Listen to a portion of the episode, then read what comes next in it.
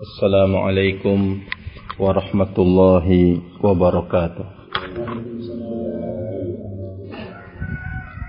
الحمد لله الذي أرسل رسوله بالهدى ودين الحق ليظهره على الدين كله وكفى بالله شهيدا. أشهد أن لا إله إلا الله وحده لا شريك له وأشهد أن محمدا عبده ورسوله صلى الله عليه وعلى آله وسلم أما بعد Saudaraku kaum muslimin yang saya hormati dan yang dimuliakan oleh Allah Subhanahu wa taala. Pertama kali puji dan syukur hanya milik Allah Azza wa Jalla semata. Dialah zat yang patut dan pantas untuk disanjung dan dipuji oleh seluruh makhluknya. karena tidak ada sekecil apapun dari kebutuhan hidup setiap makhluk melainkan datangnya dari Allah Azza wa Jalla. Allah Subhanahu wa taala mengatakan wa ma bikum min ni'matin fa min Allah. Apapun dari sekecil nikmat yang kalian dapatkan maka itu adalah benar-benar datangnya dari Allah Subhanahu wa taala. Kalau kita sudah meyakini bahawa nikmat itu datangnya dari Allah, maka dia akan membagikannya di atas keadilannya. Dia membagi-bagi nikmat itu di atas kebijaksanaannya tidak ada seorang makhluk pun yang merasa terzalimi dengan pembagian itu. Semuanya menerima, baik makhluk yang berakal atau yang tidak berakal. Namun ternyata kebanyakan yang membangkang dan menyalahgunakan nikmat yang dibagikan oleh Allah Azza wa Jalla itu adalah dua makhluk yaitu bangsa manusia dan bangsa jin. Maka Allah Azza wa Jalla menjelaskan di dalam firman-Nya la in syakartum la azidannakum wala in kafartum inna azabi lasyadid ayat ini terarah kepada dua makhluk yaitu manusia dan bangsa jin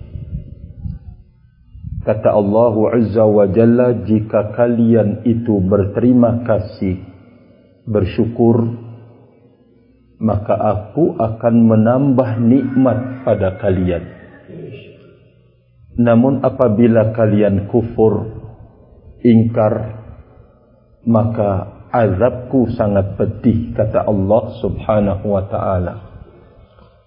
Ini diarahkan kepada dua makhluk yang memang di antara mereka keluar menjadi pembangkang.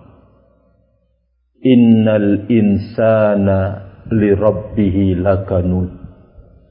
Sesungguhnya manusia itu banyak ngeyel, banyak menentang kepada Robnya. Padahal yang membagikan segala kebutuhannya di dalam hidup adalah Allah subhanahu wa ta'ala. Maka tatkala kita meyakini bahawa semua nikmat itu datangnya dari Allah dan Allah Azza wa Jalla membagikan nikmat-nikmat itu dengan keadilan dan kemahabijaksanaannya maka kita harus tahu bahawa di antara manusia itu ada yang ditahan dari sebuah nikmat tidak diberikan. Allah yang punya hak. Sehingga manusia atau jin itu tidak bisa mengatakan kenapa Allah berbuat demikian? Karena la yus'alu amma yaf'alu wa hum yus'alu Allah tidak boleh ditanya apa yang diperbuatnya.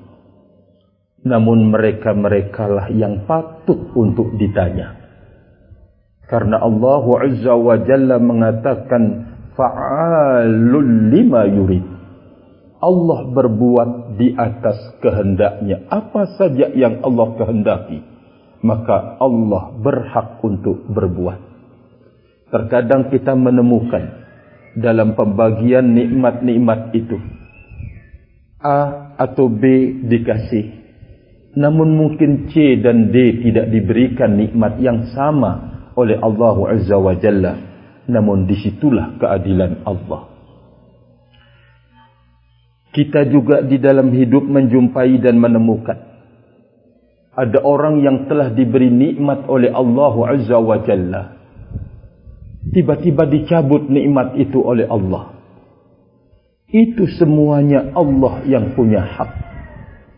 Kalaupun sekiranya manusia itu ingin melenyapkan nikmat yang Allah telah berikan kepada kita. Tapi Allah tidak merestui dan mengizinkan tidak pernah akan terjadi. Walaupun manusia itu berkeinginan untuk kemudian melenyapkan nikmat yang kita dapatkan dari Allah mereka tidak mampu melakukannya kalau tidak ada izin dan restu dari Allah subhanahu wa ta'ala berarti semuanya kembali kepada Allah Subhanahu wa taala. Oleh karena itu, satu catatan yang sangat penting di dalam hidup bahwa kita tidak akan pernah mampu dan bisa menghitung nikmat-nikmat Allah Subhanahu wa taala karena banyaknya. Kalau demikian, kita tidak akan pernah mampu untuk mensyukuri semua nikmat-nikmat Allah Azza wa Jalla itu. Tidak pernah akan mampu. Maka Allah Azza wa Jalla yang maha penyayang Allah Azza wa Jalla yang maha pengasih. Allah memberikan kepada manusia dan jin ini cara dan langkah yang teringan untuk mewujudkan kesyukurannya yang paling besar kepada Allah atas nikmat-nikmat tersebut. Allah yang meletakkan sebagai bentuk kasih sayangnya. Kalau sekiranya Allah butuh kepada manusia lalu meminta imbalan seperti yang diberikan, maka tidak ada dari manusia yang sanggup untuk membalas budinya Allah. Mendatangkan eh, apa namanya air untuk minum sebagai nikmat dari Allah, udara untuk kemudian dihirup bisa bernapas dan seterusnya. Kalau itu diminta oleh Allah Azza wa Jalla dari manusia dan makhluk ini, tidak ada yang akan mampu membalas kebaikan Allah Azza wa Jalla. Tapi Allah tidak membutuhkan itu semua. Allah Azza wa Jalla meminta dari hamba-hambanya, meminta dari makhluknya ini adalah sesuatu yang sangat-sangat ringan dan yang ringan itu Allah jadikan sebagai langkah untuk mensyukuri nikmat-nikmatnya yang paling tinggi. Apa kira-kira itu? Sesuatu permintaan yang sangat ringan dari Allah dan Allah jadikan permintaannya ini sebagai bentuk kesyukuran yang paling tinggi kepada Allah. Maka jawabannya adalah di dalam sebuah ayat Al-Quran yang berbunyi wa ma khalaqtul jinna wal insa illa liya'budun. Tidaklah aku menciptakan bangsa jin dan bangsa manusia kecuali agar mereka beribadah kepadaku kata Allah Subhanahu wa taala. Maka ayat ini Allah Azza wa Jalla memberitahukan kepada manusia yang sudah diberikan beragam-ragam nikmat oleh Allah Subhanahu wa taala ternyata ada langkah yang paling ringan untuk mensyukuri semua nikmat-nikmat Allah Subhanahu wa taala. Itulah yang disebut dengan tali ibadah kepada Allah.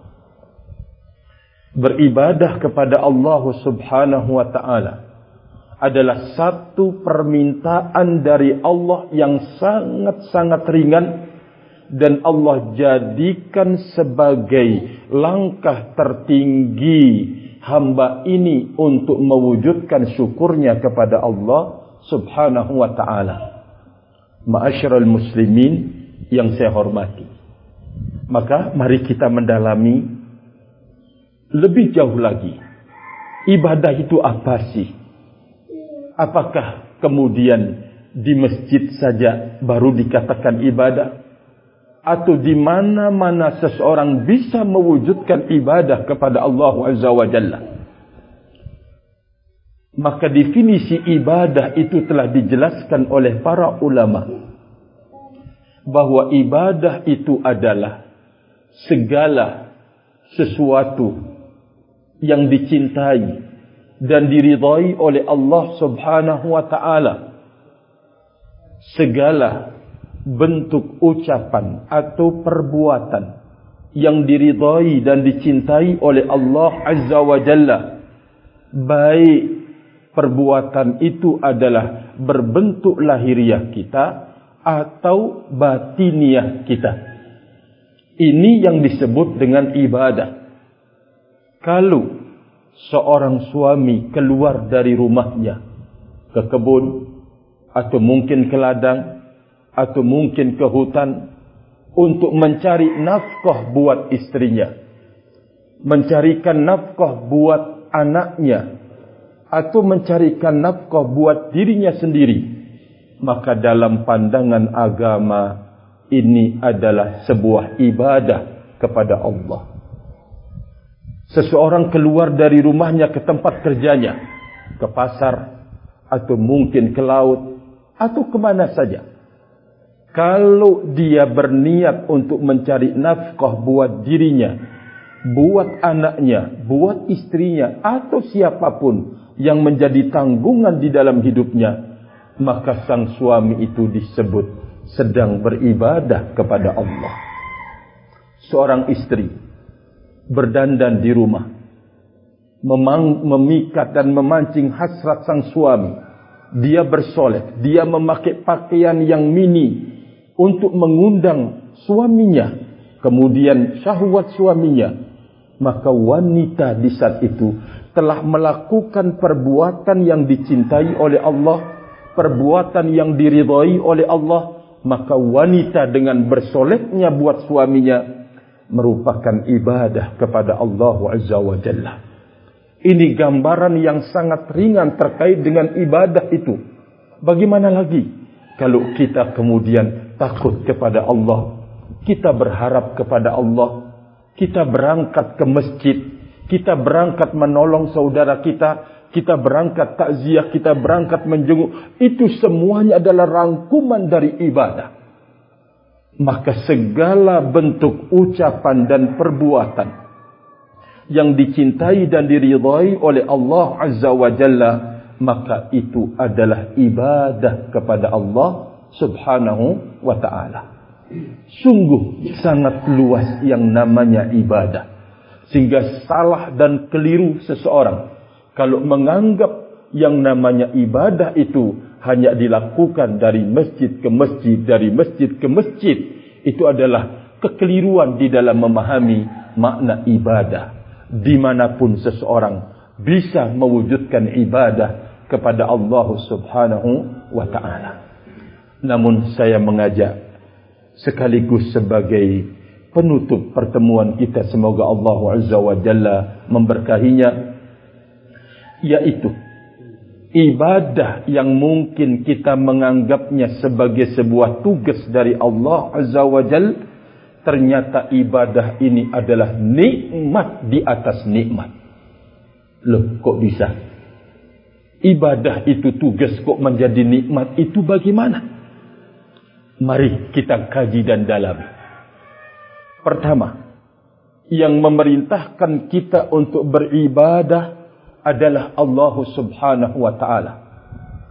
Kedua, yang menyiapkan segala kebutuhan kita di dalam pelaksanaan ibadah adalah Allah Azza wa Jalla yang membantu kita, yang menolong kita, memberikan kekuatan, memberikan kesehatan, meluangkan kesempatan, semuanya adalah Allah Azza wa Jalla. Kita rekam insya-Allah saya ulangi kembali. Allah Azza wa Jalla yang memerintahkan kita untuk beribadah. Dan Allah jadikan ibadah ini sebagai bentuk kesyukuran hamba yang paling tinggi atas nikmat-nikmat-nikmat yang diberikan oleh Allah di dalam hidupnya. Di saat kemudian hamba ingin melaksanakan ibadah, Allah persiapkan segala apa yang dia butuhkan. Untuk ke masjid butuh kesehatan Allah berikan. Butuh tenaga Allah berikan. Butuh pakaian Allah berikan.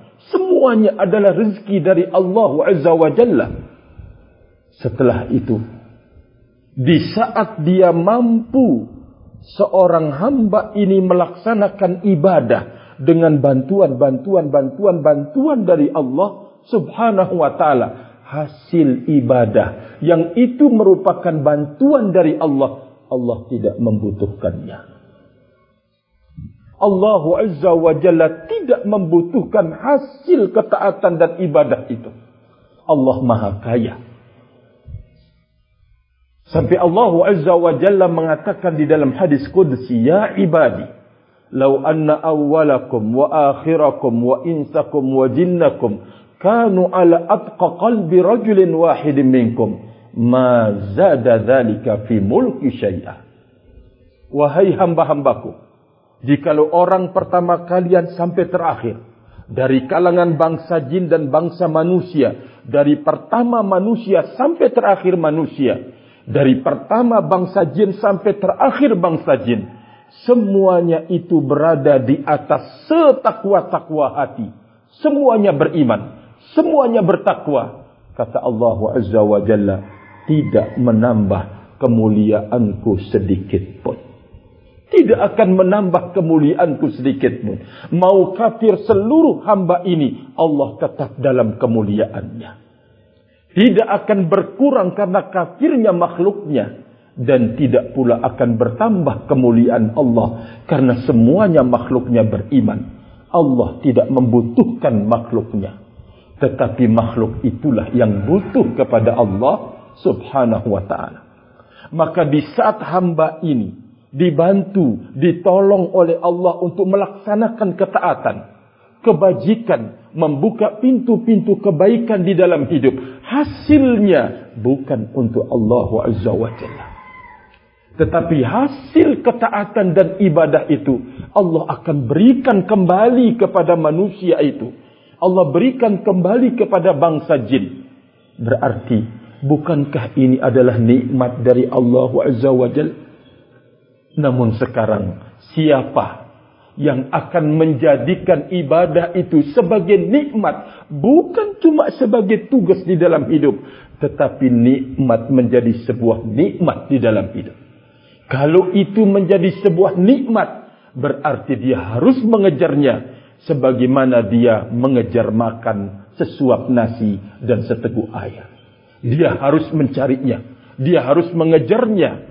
Nah, kalau sekiranya dia sampai kepada posisi nikmat ibadah itu, berarti dia telah mendapatkan nikmat yang terbaik di dalam hidup. Dia telah mendapatkan nikmat yang paling mahal di dalam hidup dia telah mendapatkan nikmat yang paling tertinggi di dalam hidup. Kenapa? Karena semua apa yang kita angan-angankan dan cita-citakan, kita ingin tenang, kita ingin tentram, kita ingin bahagia di dunia ini tidak pernah akan mampu kalau kita jauh dari Allah Azza wa Jalla.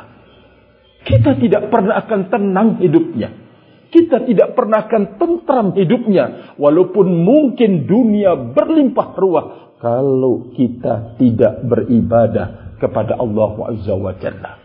Itu juga yang menjadi jawaban apa yang kita cita-citakan di dalam surganya Allah Azza wa Jalla dari ketenangan, keselamatan dari siksaan, semuanya harus diraih melalui ibadah kepada Allah Azza wa Jalla. Maka ma'asyiral muslimin berarti kita telah mendapatkan nikmat yang paling mahal di dalam hidup.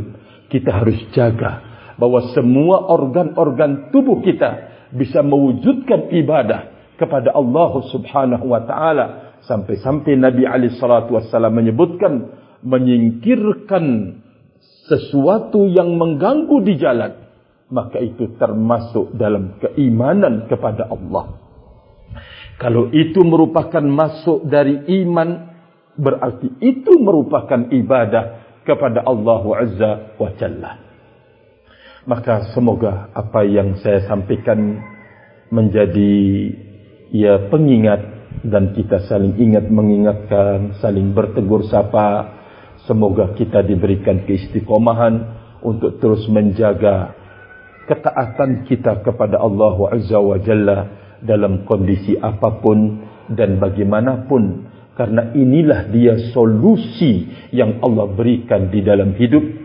Siapapun yang mengangan, menginginkan ketenangan, ketenteraman dan kebahagiaan, jawabannya di saat seseorang hamba itu dekat dengan pemilik segala-galanya memiliki surga dan neraka, memiliki langit dan segala apa yang ada, memiliki bumi dengan segala penghuninya. Kalau seseorang itu dekat dengan pemilik segala-galanya, berarti dialah orang yang paling kaya, dialah orang yang paling tenang, dialah orang yang paling bahagia.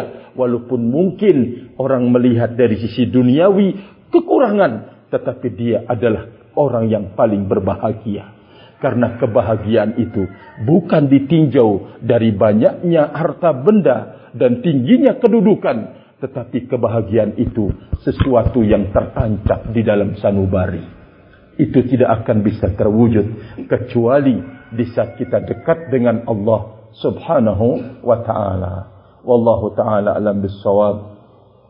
Wallahu ta'ala alam bisawab. Mungkin ini yang bisa saya sampaikan pada kesempatan kali ini dan insya Allah di kesempatan-kesempatan yang lain jikalau ada waktu ya mungkin nanti ya teman-teman kita bisa membuat jadwal walaupun di musalla kecil seperti ini tetapi kita membuka saling tegur sapa, nasihat menasihati. Semuanya itu adalah ibadah kepada Allah Azza wa Jalla. Wallahu ta'ala alam bisawab. Wallahu ta'ala alam bisawab. Wa akhiru da'wana anilhamdulillah. Subhanakallahum wa bihamdika. Ashadu an la ilaha illa anta. Astaghfiruka wa tubulai. Sebelum saya tutup dan salam. Saya mengucapkan banyak-banyak terima kasih kepada semua bapak-bapak kami, saudara-saudara kami yang menyambut dengan hangat. Kemudian yang menjadi penyebab ziarah ini terlaksana. Semoga Allah Azza wa Jalla membalas mereka dengan balasan yang setimpal dengan apa yang mereka uh, perbuat atau korbankan atau yang lebih baik dari apa yang mereka telah keluarkan. Ya wa akhiru da'wana alhamdulillah والسلام عليكم ورحمة الله وبركاته.